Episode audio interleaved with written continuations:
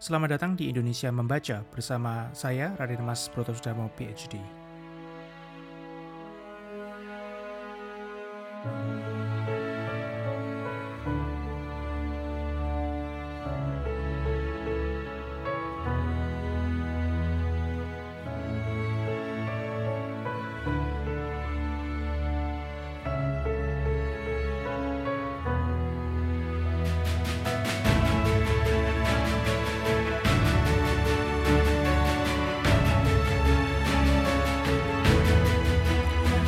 Pendengar dan Sobat Budiman, di kesempatan ini saya akan mengangkat suatu literatur klasik dari ilmuwan tingkat dunia yang dulu pernah tinggal dan berkarya di wilayah Nusantara.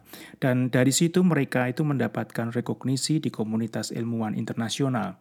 Nah, episode kali ini saya akan memperkenalkan Friedrich Franz Wilhelm Junghun, seorang ahli botani dan juga ahli geologi yang akhirnya menetap di Jawa bahkan dia uh, hingga uh, meninggal dunia di Lembang pada tanggal 24 April 1864. Ada banyak karya daripada Jung Hun yang sangat menarik untuk kita bahas. Sebenarnya saya ingin untuk membahasnya semuanya, uh, namun terkendala dengan bahasa. Saya bisa bahasa Jerman, akan tetapi literatur asli masih ditulis di dalam bahasa Jerman yang versi lama. Jadi butuh dedikasi waktu yang cukup lama dan pelan-pelan uh, membaca buku tersebut. Uh, di satu pihak ada juga yang karya dia yang dia tulis di dalam bahasa Belanda, misalnya buku tentang deskripsi dan sejarah vulkano di Jawa yang terbit tahun 1843. Namun sayang sekali saya tidak bisa membaca bahasa Belanda ya. Jadi mungkin kalau ada rekan-rekan yang bisa berbahasa Belanda lancar uh, dan bersedia untuk kolaborasi, saya sangat senang sekali. Buku Dr. Friedrich uh, Jung ini saya uh, akan uh, angkat di dalam episode ini berjudul uh, Topographische und Naturwissenschaftliche Reisen durch Java yang diterbitkan oleh Emil Bench di Magdeburg tahun 1845. Nah, terjemahan bahasa Indonesianya itu kurang lebih uh, perjalanan topografi dan sains menelusuri Jawa.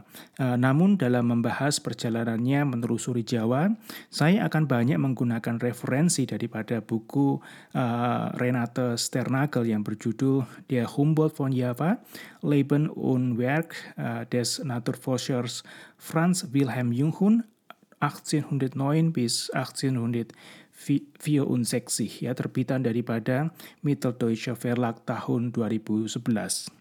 Mengapa saya pilih uh, judul buku-buku tersebut?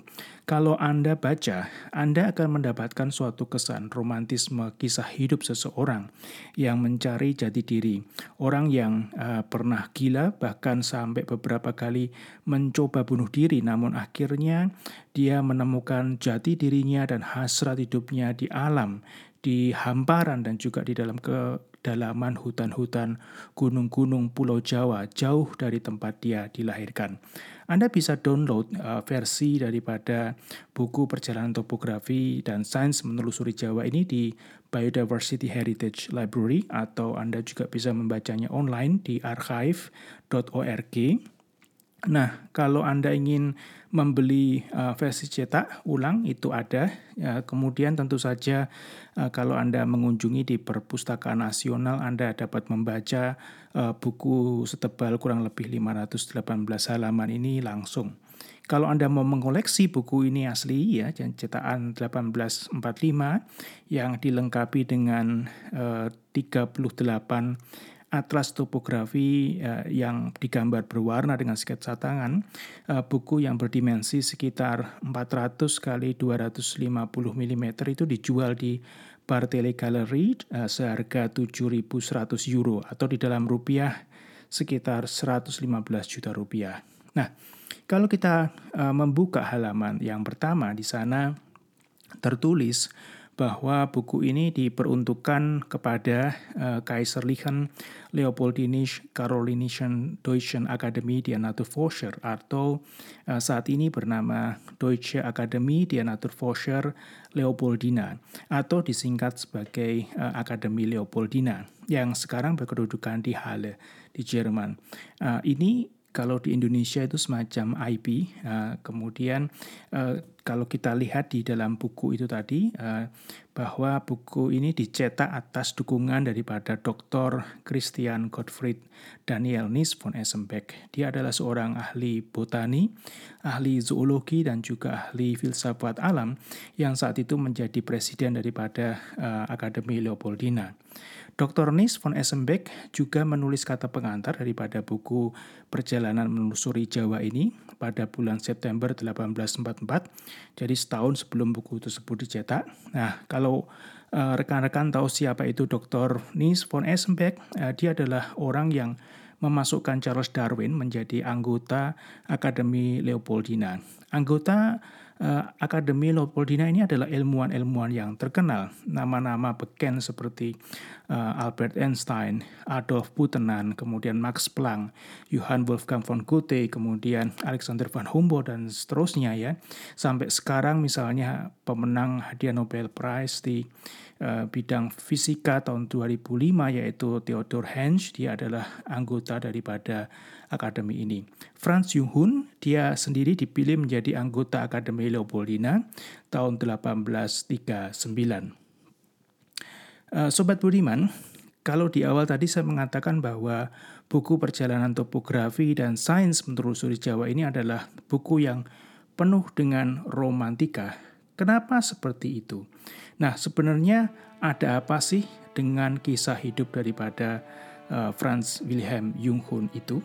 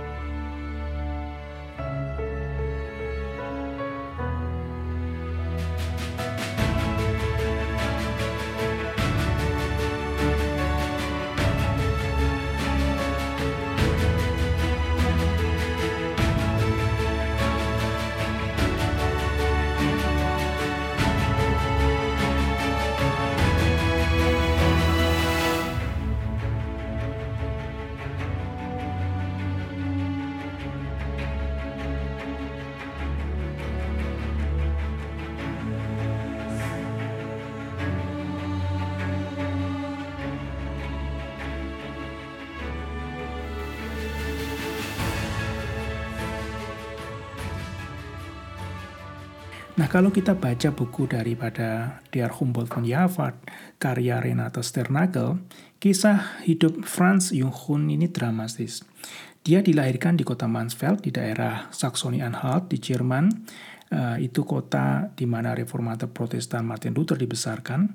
Uh, Junghun ini dibesarkan dari keluarga ya, di mana bapaknya dan kakeknya adalah ahli bedah orang-orang pekerja tambang di Mansfeld.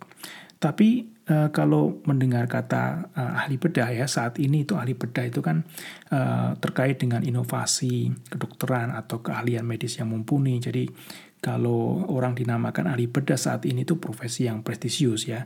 Namun hingga abad ke ke-19 pekerja bedah atau dalam bahasa Jermannya chirurgi Handwerker itu tidak punya pendidikan universitas dan sosial status sosialnya rendah Chirurgi atau ilmu bedah sendiri saat itu adalah uh, bidang ilmu kelas 2 dalam kedokteran. Nah, ceritanya Franz Junghun ini dipaksa untuk masuk ke kedokteran. Pada uh, 1 Juli 1827, Franz Junghun termatrikulasi sebagai mahasiswa kedokteran di Universitas Halle. Kemudian setelah dia masuk universitas, rupanya dia tertarik dengan ilmu pengetahuan alam, khususnya botani. Tentunya interest tersebut ditentang oleh bapaknya. Kemudian akhir semester musim dingin 1828-1829, Yung Hun berhenti kuliah dan pulang ke rumah. Tapi dia pulang dengan jiwa ya tertekan. Hingga beberapa kali dia itu ditemukan mencoba untuk bunuh diri. Nah, upaya bunuh diri inilah yang membuat kesehatannya semakin memburuk ya. Karena dia sudah merasa tidak cocok dengan kehidupan keluarganya, dia sering lari, melarikan diri dan dia menenggelamkan diri dalam kedalaman hutan dan berminggu-minggu dan akhirnya dia pulang ke rumah menghabiskan waktu itu di meja siang dan malam didampingi dengan buku glosarium bahasa Latin. Alhasil, dia menghasilkan suatu karya yang pertama dalam bidang ilmu pengetahuan alam. Nah, saat Natal tiba, dia mengirim manuskrip ke jurnal botani di Berlin bernama Linea.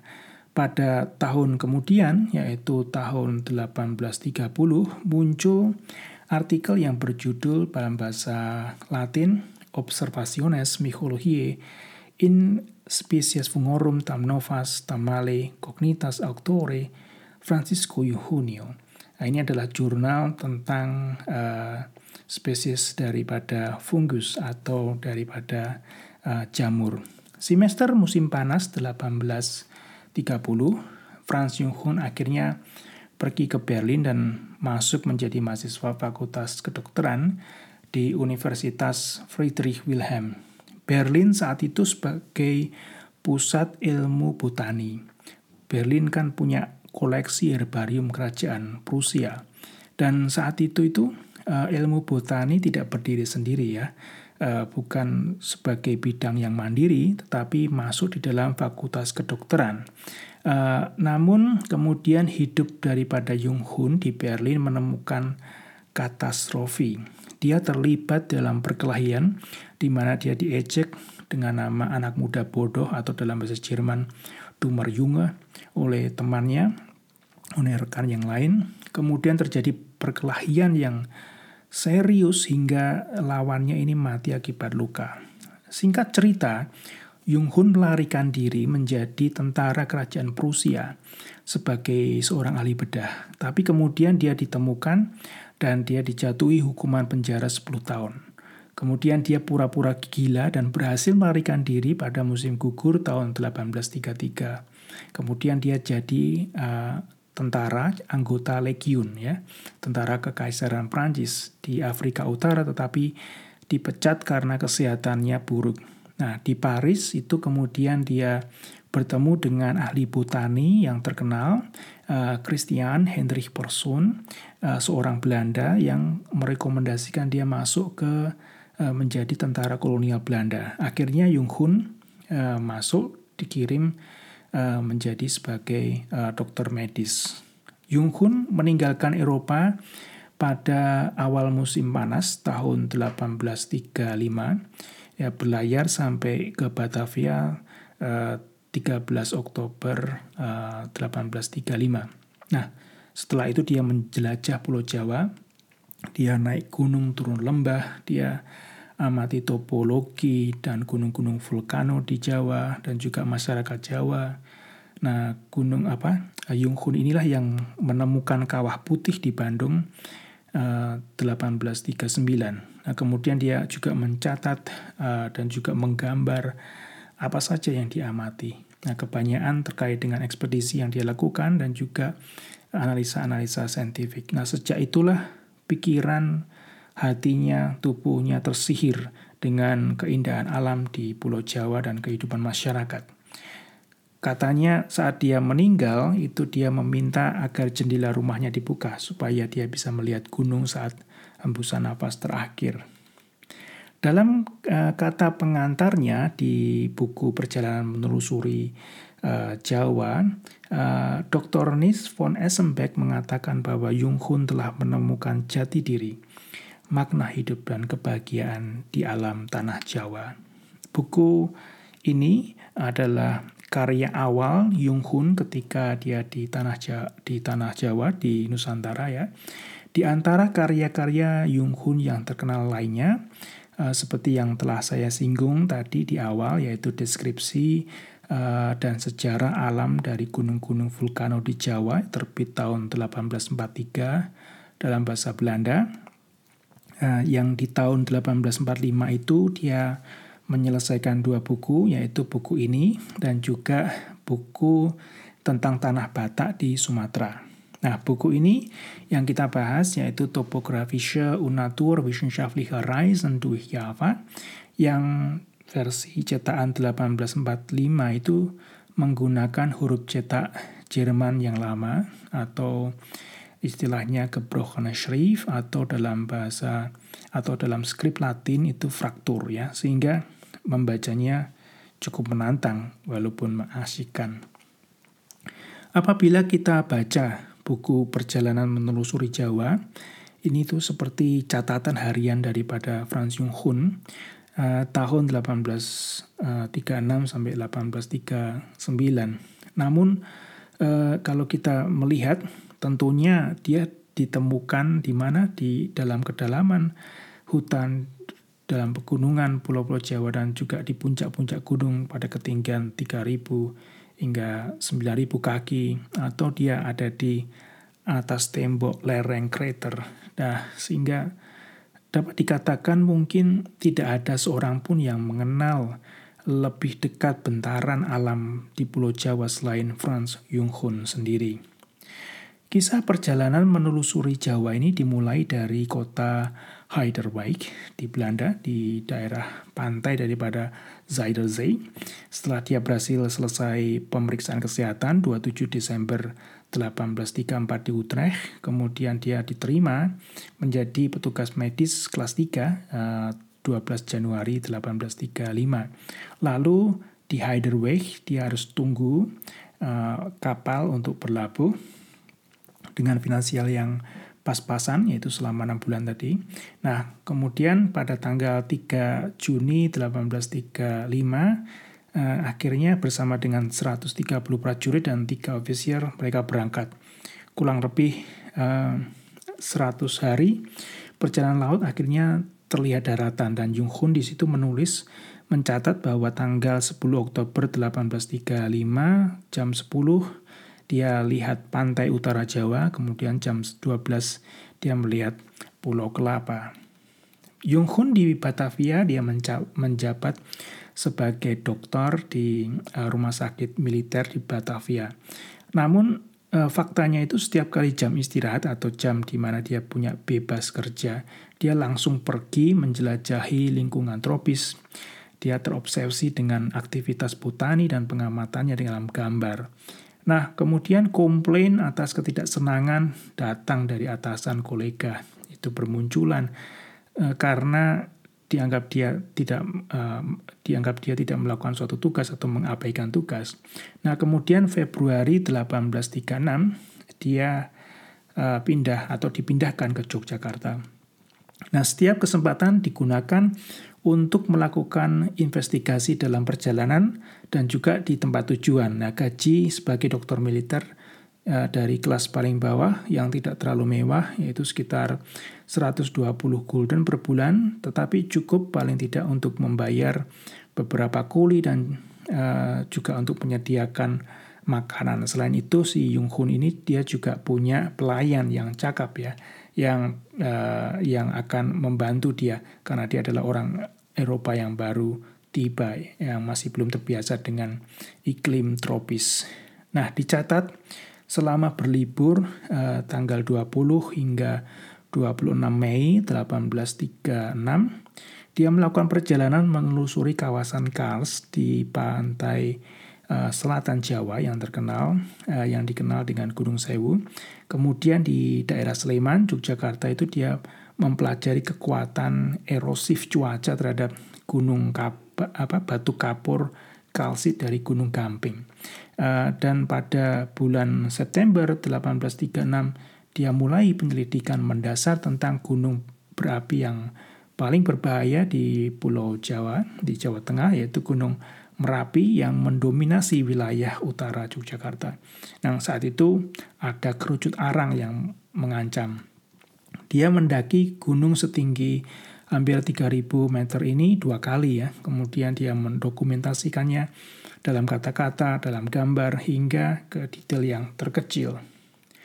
Seperti yang telah disebutkan, dia menent, apa, dia menentukan ketinggian itu dengan barometer buatan sendiri yang terdiri dari bambu, tabung bambu, dan juga tabung kaca yang dikalibrasi dengan tepat yang harus dipegang secara vertikal setiap kali berpergian dan tentunya ini adalah pekerjaan yang melelahkan bagi porter yang terpilih terutama kalau pas uh, lewat di lereng yang curam.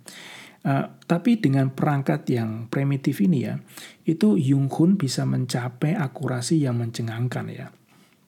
Nah, Gunung Merapi dan juga Gunung Merbabu itu adalah gunung berapi pertama yang Yung Hun daki.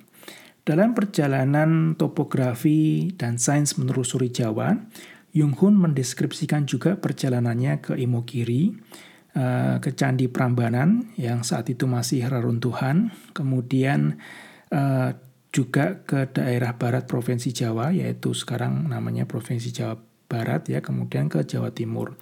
Pada tahun 1837, kehidupan penelitian Yung Hun itu akhirnya diarahkan ke jalur yang benar. Dia ditempatkan di uh, bawah pengawasan uh, seorang dokter Jerman yang bernama Ernst Albert Fritze, kepala keperawatan kesehatan Hindia Belanda dan sebagai direktur Museum Sejarah Alam di Batavia.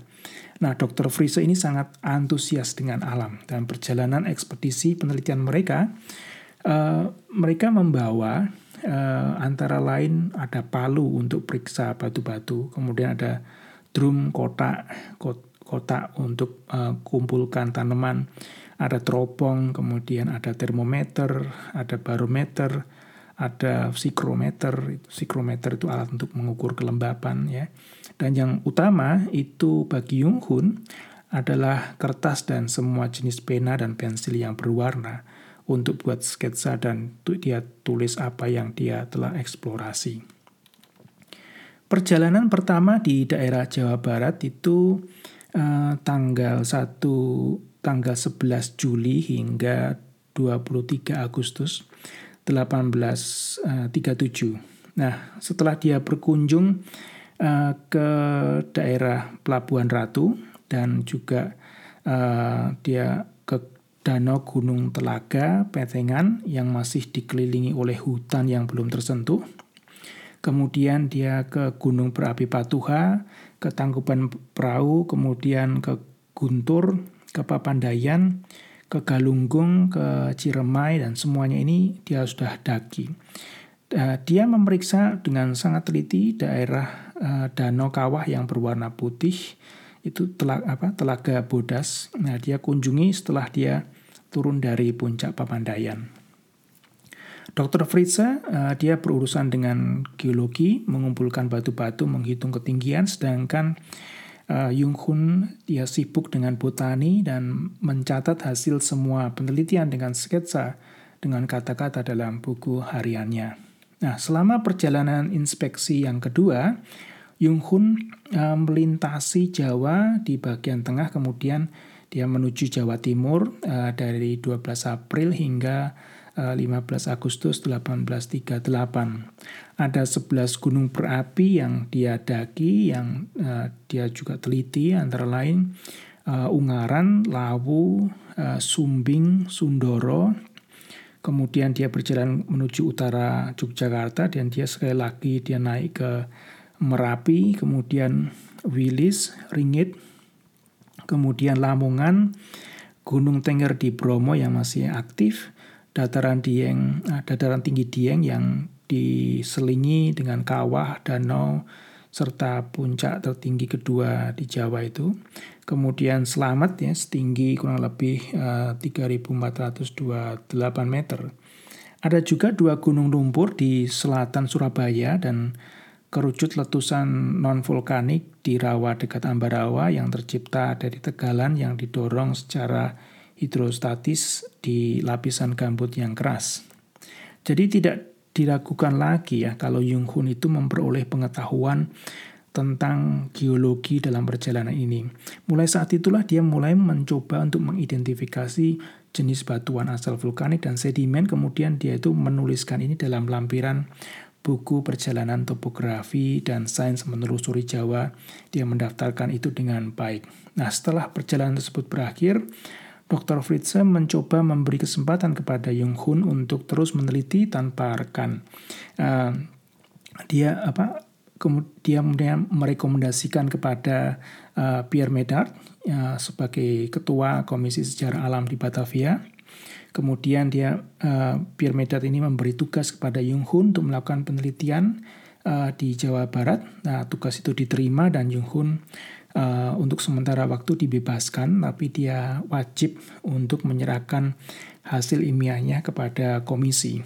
Nah, pada tanggal 1 April 1839, Yung Hun mendaki Gunung Mandala Wangi setinggi 3019 meter.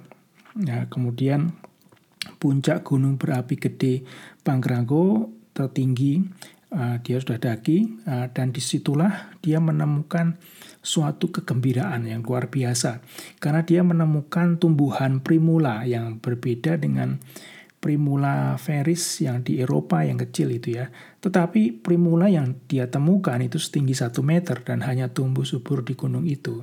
Kemudian Jung Hun memberi nama uh, primula ini dengan bahasa Latin Primula imperialis. Pendakian kedua Pangrango menyusul pada bulan Juli 1839, kemudian yang ketiga adalah November 1839. Nah itu adalah bagian terakhir dari Karya besar pertamanya, buku berjudul Perjalanan Topografi dan Sains Menuju, Menelusuri Jawa.